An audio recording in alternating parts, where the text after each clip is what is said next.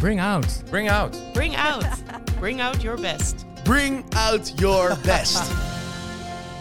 Leuk dat je luistert naar een nieuwe aflevering van Bring Out Your Best, de Broud Podcast. Ik ben Koos en ik ben Ton. en we gaan het hebben over transactionele analyse. Misschien heb je het wel eens gehoord, misschien werk je er zelfs al wel mee. Maar wat is het nou precies, Tom? Want het is best een ingewikkeld woord. Als je dit nog nooit gehoord hebt, dan zul je misschien denken: wat is dit? Ja, wat is dat dan weer? Transactionele analyse. Ja, daarom, daarom maken de mensen TA van. Dus dat is, dan is het al veel beter te begrijpen. TA, transactionele analyse. Oftewel de analyse van hoe transacties tussen mensen plaatsvinden. En transactie is communicatie tussen mensen. Oké. Eh, daar gaan we het over hebben. Dus Ja. ben jij klaar om jezelf te transformeren en je best mogelijke leven te leiden? Blijf dan luisteren naar deze nieuwe aflevering over TA, transactionele analyse.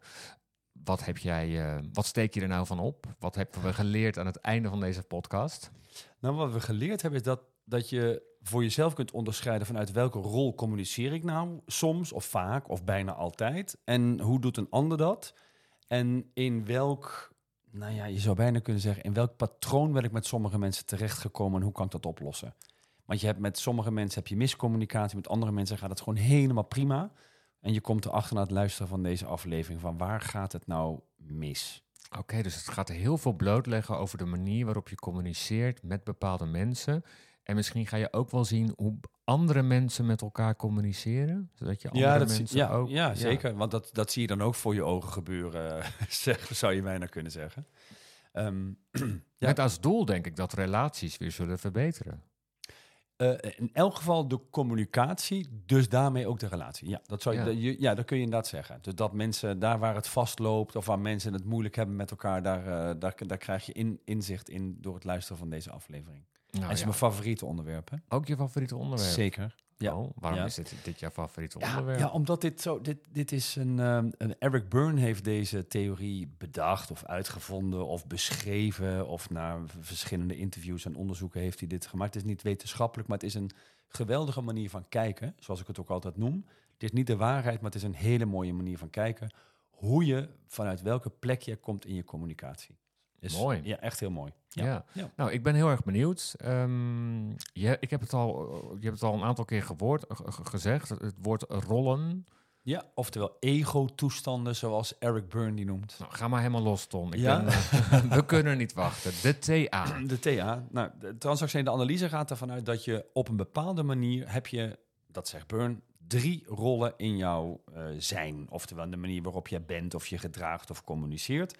En zegt je hebt de volwassen toestand. De volwassen toestand zou je kunnen zeggen is gericht op objectieve waarnemingen en verwerking van informatie, handelend in het hier en nu. Dus je ziet objectief wat er gebeurt en daarop reageer je als een volwassene. Jij vraagt aan mij, wil je koffie? En ik zeg, graag. Ja. Dat is een hele volwassen uitwisseling tussen twee mensen. Ja, dan is er een volwassen coach die praat met een volwassen Ton. Ja, en dat werkt best wel goed. Welke rollen zijn er nog meer? Er zijn er nog twee andere. Er zijn de ouderrol en de kindrol.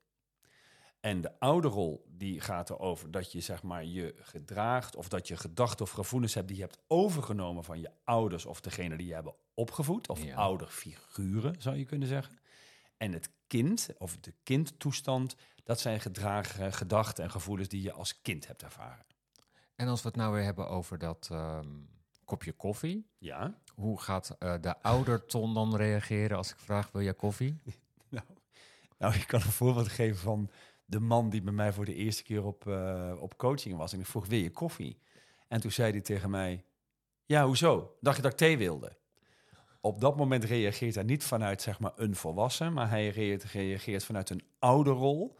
En die ouderrol is super kritisch, omdat hij misschien wat denkt dat ik... Ik vroeg hem van, waarom reageer je zo? En toen zei hij, ja, later kwam hij erachter van, ja, als jij denkt dat ik iemand ben die thee drinkt, dan denk jij zeker dat ik een watje ben. Dus vanuit ja. zijn opvoeding had hij geleerd, echte mannen drinken koffie. Oké. Dus op het moment dat ik zeg, wil jij koffie, hoort hij, oh, als jij denkt dat ik thee wil drinken, nou zo. Dus dat is een, dat is een prachtig voorbeeld die, eh, die gaat over, nou, vanuit welke rol kom jij nou? Wat hoor jij nou eigenlijk? Nou, en Eric Byrne zei vanuit je, zeg maar, je oude toestanden heb je twee rollen. Je hebt zeg maar de voedende ouder. Dat is de ouder die vroeger tegen je zei, joh, we zijn trots op jou, we houden van jou, goed gedaan. geweldig, je kunt meer, wat heb je toch talent? Dat is de voedende ouder. En je hebt de kritische ouder. En de kritische ouder is degene die zegt, ruim je kamer op, doe normaal, dit doen we hier niet. Blijf binnen, kijk uit, pas op, niet doen. Dat is zeg maar het, de kritische ouder. En als kind heb je ook drie rollen. Je hebt het vrije kind, dat is wie jij authentiek bent. Dus als jij ehm, vergelijkt wel eens mensen die, die dronken zijn en die een leuke dronk hebben, of die een fijne dronk hebben over zich, daar komt meestal het vrije kind komt daar los.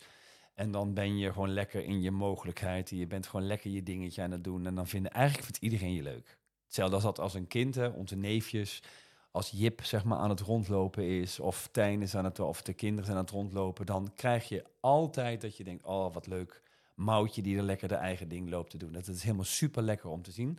Dan zitten mensen in een vrije kind. En je hebt het aangepaste kind. En het aangepaste kind gehoorzaamt. Het aangepaste kind heeft bedacht, dit kan ik maar beter wel doen. Want dan, zeg maar, word ik of gewaardeerd of dan doe ik het goed. En je hebt het recalcitrante kind, oftewel het kind op de grond in de Albert Heijn... die schreeuwt en krijst dat hij een pakje Smarties wil. En recalcitrant kan zeg maar in de weerstand zijn. Dus het kind dat niet meer wil eten, wat met zijn armen over elkaar... nee, dat wil ik niet. Daar kun je ook in zitten. Dus dit zijn alle rollen die er volgens Eric Byrne zijn. Ja, oh, dus er zijn eigenlijk best wel veel kindrollen die je kunt aannemen. Drie? Ja. Er zijn ook een aantal ouderrollen die je kunt aannemen. Twee? En is er één volwassen rol die je aanneemt. Eén volwassen rol. Ja, en nou, ehm, misschien even een hele gekke conclusie. Is het, de, is het dan de bedoeling dat je de hele tijd in die volwassen rol zit? Nee hoor, nee. Want Ah, dan is er niet zo heel veel aan de hand, lijkt me dan toch? Nou ja, moet je nog wel voor elkaar krijgen.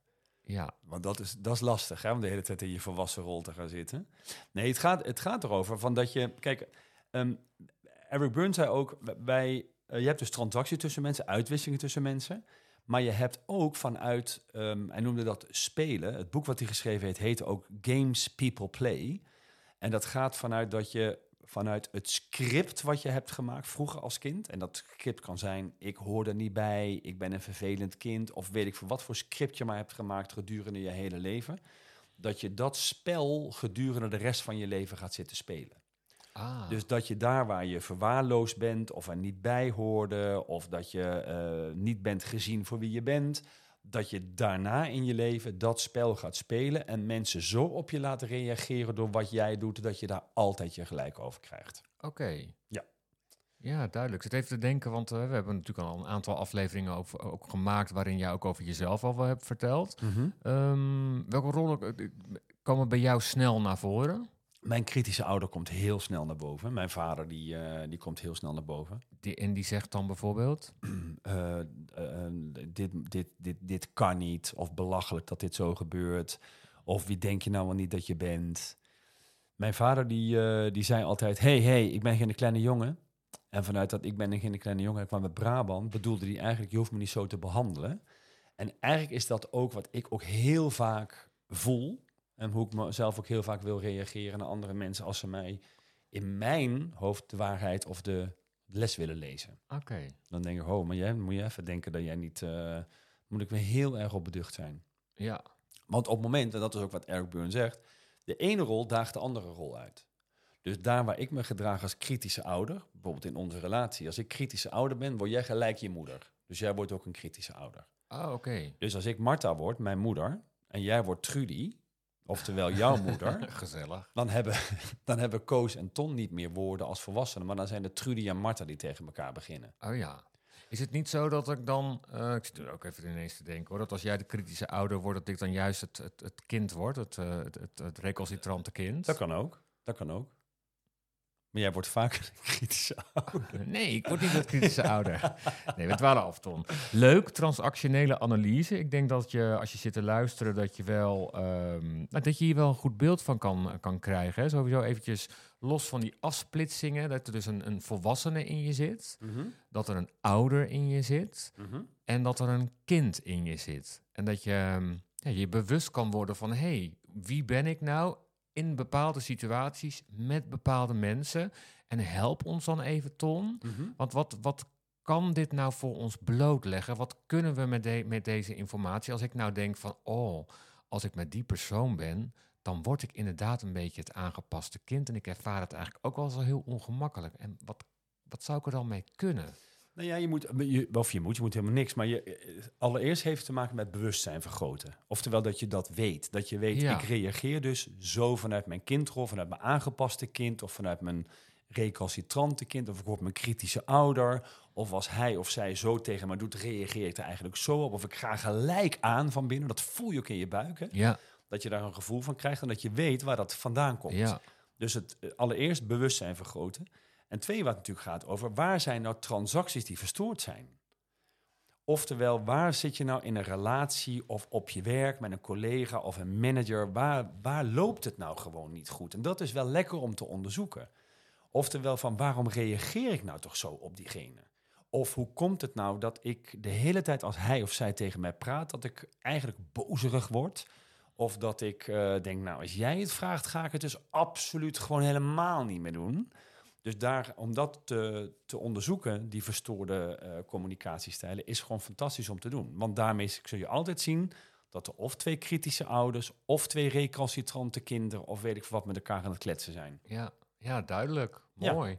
Maar, en, en is het dan de bedoeling dat je dat dan gaat veranderen? Of dat je moet streven naar een bepaalde rol? Dat ligt eraan waar je op uit bent. Maar ik, ik denk, ik, maar ik hoop in elk geval dat de meeste mensen erop uit zijn om een effectief en goed werkende communicatie met collega's te hebben.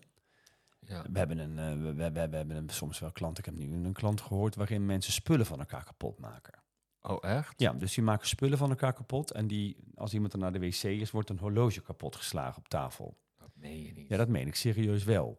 Nou, daar zou je dus kunnen zien van dat daar dus twee kinderen bezig zijn, of misschien wel twee ges- eh, ontzettend agressieve ouders, die op de een of andere manier niet het normale gesprek met elkaar mee aangaan, maar die zeg maar via het kapotmaken van andermans spullen iets duidelijk willen maken.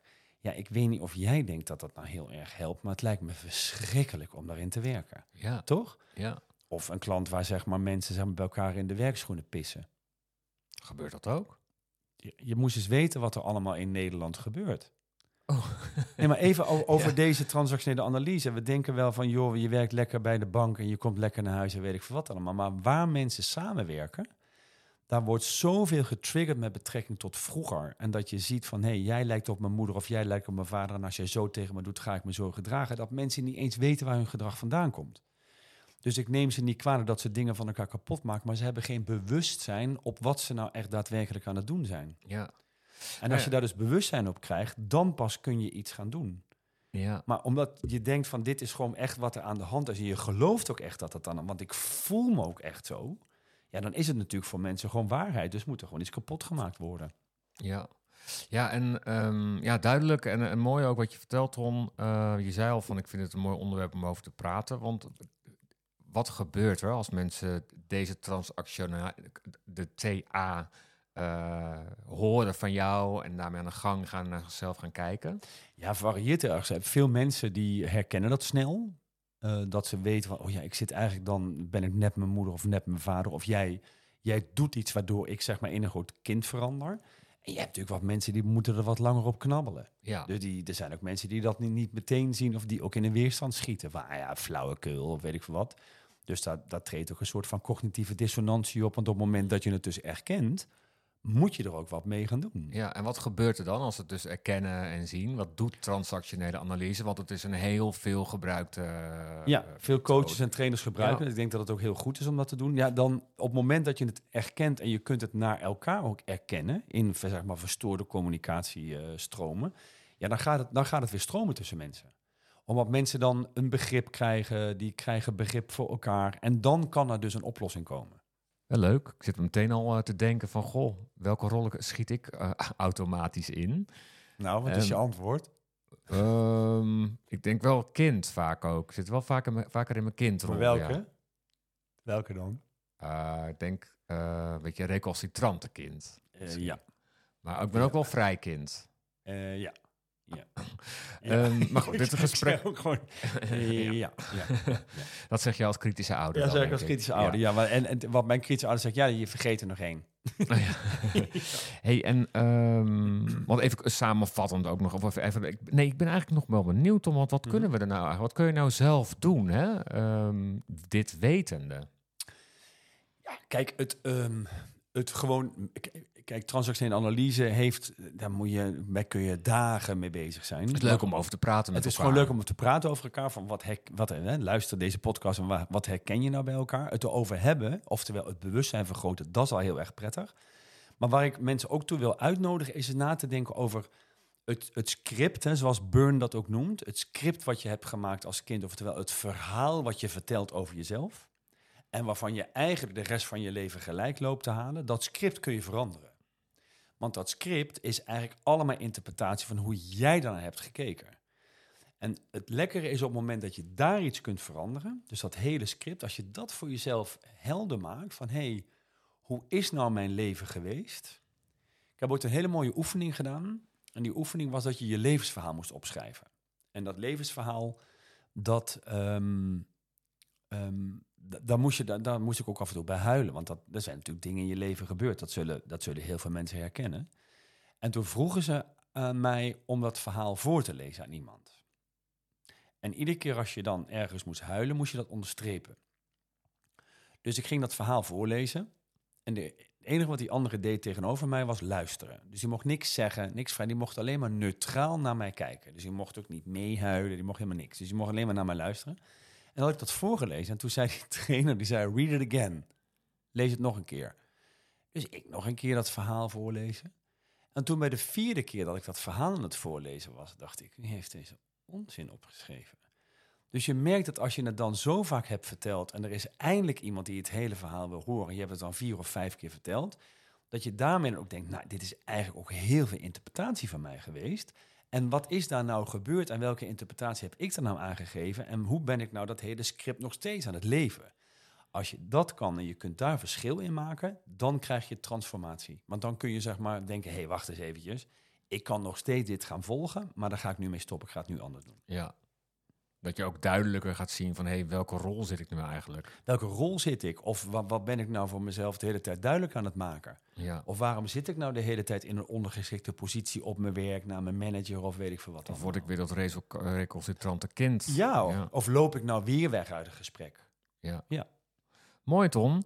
Is dit wat je wilde vertellen over de transactionele analyse? Nou, nog veel meer, maar volgens mij zitten we al op de tijd. Maar ik zou wel, ik, wat ik wel, ik denk dat ik hier wel iets met een training of zo, dat vind ik echt heel leuk. Maar moet maar eens, eh, Oké. leuk. Ja. als mensen idee. nog vragen hebben, vind ik het leuk als ze die stellen, want die kunnen we dan beantwoorden. podcast.broud.nl Super, of ton.broud.nl. ook helemaal goed. Leuk dat je luisterde. Dit was hem weer. Transaction, transactionele analyse in Bring Out Your Best, de Broud podcast. Vond je dit een leuke aflevering? Like hem dan in jouw favoriete podcastplatform. Wij zijn er volgende week weer. Dag. Dag. Bring Out. Bring out. Bring out. Bring out your best. Bring out your best.